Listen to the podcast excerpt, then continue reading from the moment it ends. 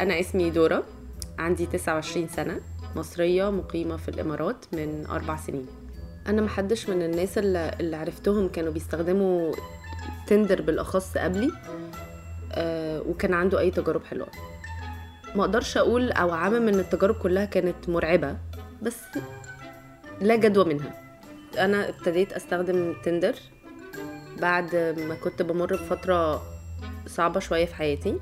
بسبب ظروف شغلي ما عنديش مساحة كافية لحياتي الاجتماعية لأن أنا أكبر حياتي الاجتماعية. قبل الوقت ده دورة كانت عارفة إن في حاجة اسمها تطبيقات معادة أو ديتنج أبس لكن ما كانتش عمرها جربتها. كانوا كل أصحابي دول حتى اللي كانوا بيمروا بتجارب مش ألطف حاجة بيقولوا لي إنه جربي تندر لأنه ده حل مناسب لإنك تقابلي ناس خصوصا بسبب ال life style بتاع حياتي. كنت still مش مع الفكرة قوي وما عملتهاش. بس جيت كنت مسافرة أجازة مفاجأة في لبنان مع واحدة صاحبتي وقررت وأنا مستنية الطيارة إنه ليه لأ؟ أنا ممكن أجرب و... وأشوف الدنيا تمشي إزاي. أنا كده كده ما كانش عندي أدنى استعداد أو أدنى نية إن أنا أصلا أقابل حد من على ال application أنا بس كنت حرفيا بضيع وقت وأنا مستنية الطيارة. آه لقيت إن هو مسلي جدا وعادي بتتفرجي على صور وبتقري أسماء ناس. ففضلت ألعب بيه شوية لحد ما وصلت و... وقابلت صاحبتي وقعدنا في المكان اللي إحنا كنا قاعدين فيه وفضلنا نلعب كل حد على التليفون بتاعه. ولقيت صورة آه كلب cute جدا وشكله أمور. فبوريها صورة الكلب. فهي أخدت التليفون وقعدت تقلب في الصور. وفجأة قالت لي أنتي بصيتي على بقية الصور أو قريتي ال description يعني هو الشخص شكله شكله لطيف الصور دمها خفيف. ال description ال ال أو الوصف اللي كاتبه عن نفسه بيقول إن هو طباخ وبيقول إن هو بيحب يسافر جدا. وبيتكلم عن ال الهوايات بتاعته اللي منها skiing ومنها حاجات تانية. أنا ما كنتش ناوية خالص إن أنا أعمل swipe right بس هي بعد ما نبه يعني لفتت انتباهي للصورة والشكل لل description وكل حاجة كان شكلها جدا مثيره للاهتمام. فقررت إن أنا ليه لأ؟ أنا هعمل swipe right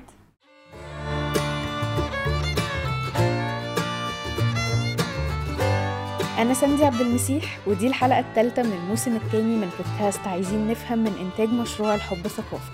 من خلال بودكاست عايزين نفهم هنفتح معاكم مساحة جديدة للنقاش عن كل الموضوعات المتعلقة بالحب والعلاقات والجواز. في ناس كتير بتصدق في الحب من أول نظرة أو إن كل حد فينا عنده شخص هو ده نصه التاني اللي بيحاول يلاقيه وأول ما بيقابله بيعرف إن هو ده اللي عايز يكمل مع حياته بالرغم من إن دورة ما كانتش بتآمن بده بالضرورة ولا حتى كانت داخلة تندر تدور على علاقة حقيقية أو على نصها التاني إلا إن الصدفة لعبت دور محوري في حياتها.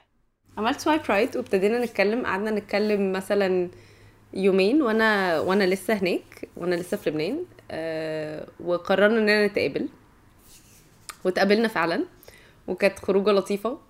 هو شخص محترم أه وبيدي إحساس بنوع من إحساس بالأمان للشخص اللي قدامه. و... وأنا انبسطت جدا جدا جدا. ورجعت طايرة حرفيا. وأول ما دخلت المكان اللي إحنا كنا قاعدين فيه بصيت لصاحبتي قلت لها آه غالبا أنا هتجوز الشخص ده. طبعا هي لا لا لا لا لا هو أنا بقول لك استخدمي تندر بس مش للدرجة دي. إحنا لسه بنقول يا هادي. وما ينفعش ابدا إن انت تنجرفي كده في حاجة انت لسه بتعرفيها لأول مرة. انت ما تعرفيش أي حاجة عن الشخص ده. انت حرفيا لسه مقابله امبارح لأول مرة. فمش المفروض خالص إن انت تبقي مندفعة للدرجة دي. أنا جوايا deep down أنا ما كنتش متأكدة خالص إن أنا يعني أنا كنت بقول كده بس تعبيرا عن قد إيه أنا مبسوطة. بس ما كنتش واثقة إن أنا فعليا هتجوزه. طول النص التاني من أجازتي في لبنان إحنا فضلنا مقضيين معظم الوقت مع بعض. بنخرج مع بعض بنتقابل طول الوقت بنتكلم طول الوقت. كان عايزني أقابل عيلته في أول سفرية في يعني حرفيا في أول مقابلة. إحنا بقالنا يومين عارفين بعض. آه ورجعت دبي. وهو ما استناش أكتر من خمس أيام وجي زارني. الظريف برضو في حكايتنا قوي إنه أنا كنت طالعة أجازة للبنان أجازة عفوية جدا ما كانتش ما كانتش حاجة متحضرة لها. وهو كمان كان في أجازة بيزور عيلته في لبنان هو مش مقيم في لبنان. آه، فدي كانت ألطف لقطة يعني في الموضوع إن إحنا اتقابلنا بمحض الصدفة. أنا انبهرت بيه جدا. وأنا شخص مندفع جدا بطبيعتي. ورجعت قلت لصاحبتي بقول لك إيه أنا هتجوزه. وهي ما اقتنعتش تماما وحاولت و... ودي كانت حاجة فاليد وكانت حاجة صح إن هي تعملها. وأنا مبسوطة إنها عملت كده إنها وقفتني عشان إنه ما ينفعش إن ننجرف لازم نبقى واعيين ولازم يبقى عقلنا في راسنا طول الوقت. وفضلنا مكملين لشهور. وكنا بنتقابل في لبنان وقت أجازة من أجازاته وهو فجأة آه، قرر إن هو يتقدم لي. وقال عريضة طويلة عن إنه أنا عارف إنه لسه بدري وإن إحنا لسه متقابلين بس إحنا متوافقين جدا وأنا حاسس إن أنا قابلت الشخص اللي أنا عايزة أكمل معاه حياتي. ومفيش أي نوع من أنواع الضغوطات تقدري تقولي لأ ونفضل مكملين. تقدري آه، تقولي آه وبرضه ناخد وقتنا إننا قبل ما نتجوز هي مجرد خطوبة. آه، أنا بس حابب إن أنا آه، أتقدم لك عشان تبقي انت فعلا خطيبتي يبقى وضعنا قدام العالم كله إنه إحنا مرتبطين ببعض وإن إحنا عايزين نكمل حياتنا مع بعض. هو عمل هو عمل كده عشان يعبر لي عن جدية العلاقة في نظره. إنه أنا مش بلعب أنا مش بضيع وقت أنا ما صدقت إن أنا لقيت شخص أنا فعلا عايزة أكمل حياتي معاه. هو ما كانش مضطر خالص إن هو يتقدم لي في الوقت ده. ولو جينا للحق أنا ممكن يكون الوقت كان بدري قوي بالنسبة لي إن هو يتقدم.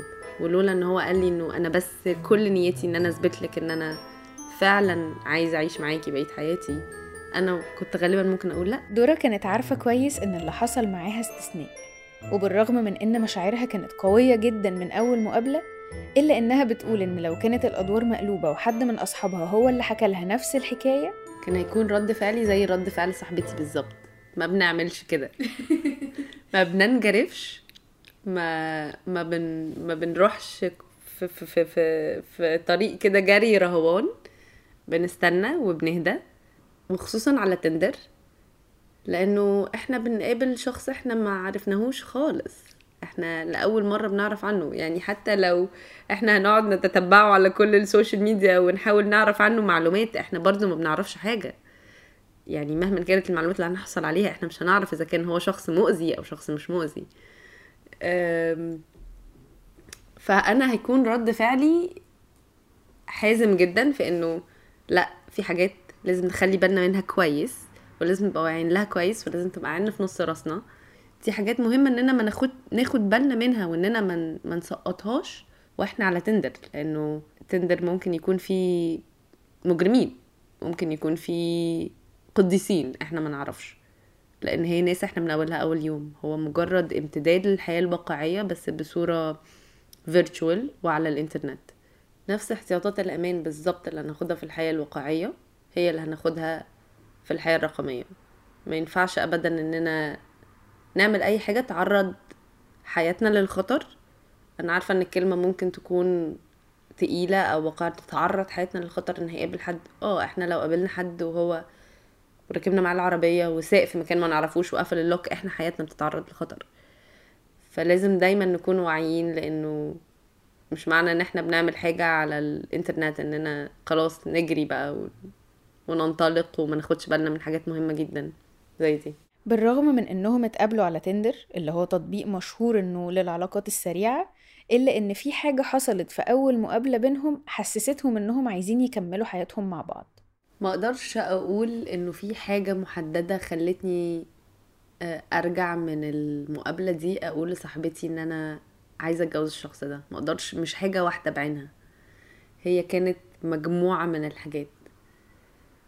منها إحساس غير طبيعي بالراحة إن الشخص ده بني آدم ينفع نثق فيه بالرغم إننا لسه متقابلين حالا الأريحية في الحديث ومش حاسة إني عايزة أخبي حاجة مش حاسة إني خايفة أقول حاجة مش حاسة إن أنا عايزة تتصرفي بطريقة معينة عشان تباني كويسة أو تباني حلوة بالظبط. أو...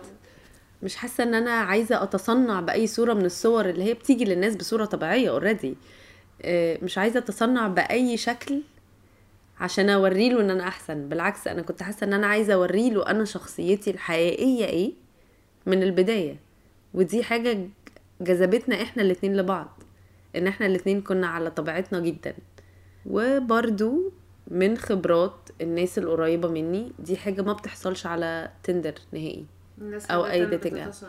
إن عادة الناس بتتصنع جدا وبتحط أقنعة كتير وبتخبي حاجات وبتقول حاجات أنا أعرف ناس اتقابلوا آه، مع أشخاص على تندر واكتشفوا إن الأشخاص دي متجوزة بعد أربع خمس مقابلات.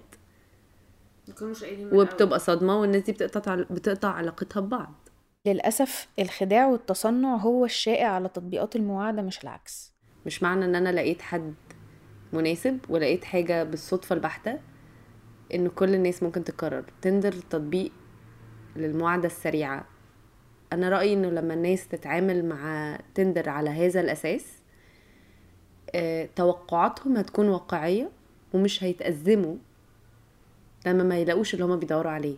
كل أصحابي كانت تجاربهم مش ألطف حاجة مع تندر كان في تجارب مخيفة وتقلق يعني مخيفة من من من ناحية إنه هي مقلقة عن أمان الشخص نفسه. وكان في تجارب مش لطيفة أو سخيفة بس إنه الشخص مش زي ما هو بيقول أو مش زي صورته ملخبط في المعلومات عنه مش مش بي مش بيعرض نفسه بصورة حقيقية. ودي حاجة عادية إحنا بنقابلها في الحياة الواقعية برضو إن الناس بتكذب عن عن حالها أو عن نفسها. دورة كانت داخلة تندر لأول مرة وهي عارفة إن ده تطبيق مش هيسمح لها إنها تعرف حقيقة الأشخاص اللي بتشوفهم من مجرد التقليب في الصور وإن كده كده في مساحة كبيرة لإنهم يكونوا مختلفين تماما على الحقيقة. فكنت بحكم على الشكل أول حاجة لأنه هل ده شخص أنا أقدر أصلا أقعد أتكلم معاه أو أشوفه أو لأ؟ آه كان طبعا بيبقى يكون في عوامل مهمة زي السن لأن أنا بطبيعتي ما بحبش الأعمار ال... ما بحبش إن الأعمار تبقى متقاربة بحب إن يكون في فرق سن ومكانه جنسيته على حسب ال ال ال الوصف اللي كاتبه عن نفسه أو البايو يكون إيه الحاجات اللي فيها. فيها حاجة آه، ملفتة للانتباه أو ما فيهاش أي حاجة ملفتة للانتباه. بس آه، اساسيا بتكون الصورة طبعا. دي الحاجة اللي بتلفت انتباهي للشخص أول مرة.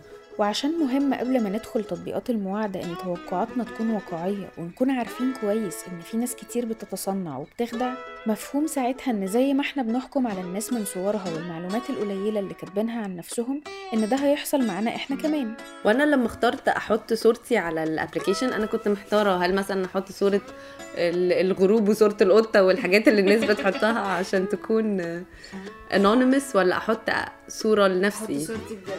بالظبط. فقررت إن أنا لا أنا ممكن أحط صورتي. أنا لو هعمل كده أنا فعلا هعمل كده. وهروح يعني هعمل كده للآخر. للآخر. بالظبط. بما إن إني كنت بحكم على الناس آه، فقط بالشكل أول حاجة ببص عليها هي الصورة. أنا ما كانش عندي أي مشكلة خالص إنه أنا يتحكم عليا بنفس الطريقة إنه لما حد يجي يبص على ال app ويعمل swipe right أو يعمل swipe left إن هو يكون بيبص عليا بيبص بس على صورتي. ده شيء طبيعي. أنا حتى لما حطيت الصورة على الأب حطيت صورة واحدة حلوة وحطيت بس اسمي وحطيت سني حتى ما حطيتش المكان اللي أنا عايشة فيه ما حطيتش أي معلومات عن نفسي. آه وما كانش عندي أدنى مشكلة في إن الناس تحكم عليا بنفس الطريقة اللي أنا بحكم فيها على الناس. طبعا تندر مش تطبيق المواعدة الوحيد اللي موجود. ولا كل الناس بتدخل تطبيقات المواعدة بهدف إنها تعمل علاقات سريعة ومش جدية. في اختلافات في التطبيقات وأهدافها وفي جمهور لكل تطبيق. كل ما العمر بيعدي 30 و32 و35 بيبقى في المجمل ناس فعلا نفسها تقابل حد نفسها تتعرف على حد. هي حياتها ودوايرها ضيقة جدا مش سامحة لها الفرصة وظروفها صعبة إنها مش سامحة لها الفرصة إنها تتعرف على حد. في الحياة وي- الحقيقية. في الحياة الحقيقية وإن هما يخلقوا علاقة حقيقية. حتى العلاقة دي ممكن تكون أصحاب هي مش مش مش بالضرورة أبدا إنها تكون علاقة عاطفية من أي نوع. بس إن هما بيبقوا بيدوروا إن هما يتواصلوا مع إنسان حقيقي. طبعا أنا ما أقدرش أعمم لأنه دي تجربتي وتجربة عدد قليل من البني آدمين اللي حواليا. بالرغم من إن دورة حالة استثنائية جدا وقصتها صعب تكون متكررة مع ناس تانية لكن هي من تجربتها على تندر عندها لينا شوية نصايح لو هنستخدم تطبيقات مواعدة أونلاين. أي تطبيق مواعدة بيدي مساحة للشخص إن هو يظهر نفسه بالصورة اللي هو عايزها. يحط أحسن صورة يكتب أحسن حاجة في شخصيته أو يتغاضى عن ذكر أي حاجة. أهم حاجة علشان أي تطبيق ي- يخدم الغاية بتاعته إن الناس تكون حقيقية إن الناس ما تجملش صورتها ما ت... ما تكتبش حاجات مش حقيقية عن نفسها.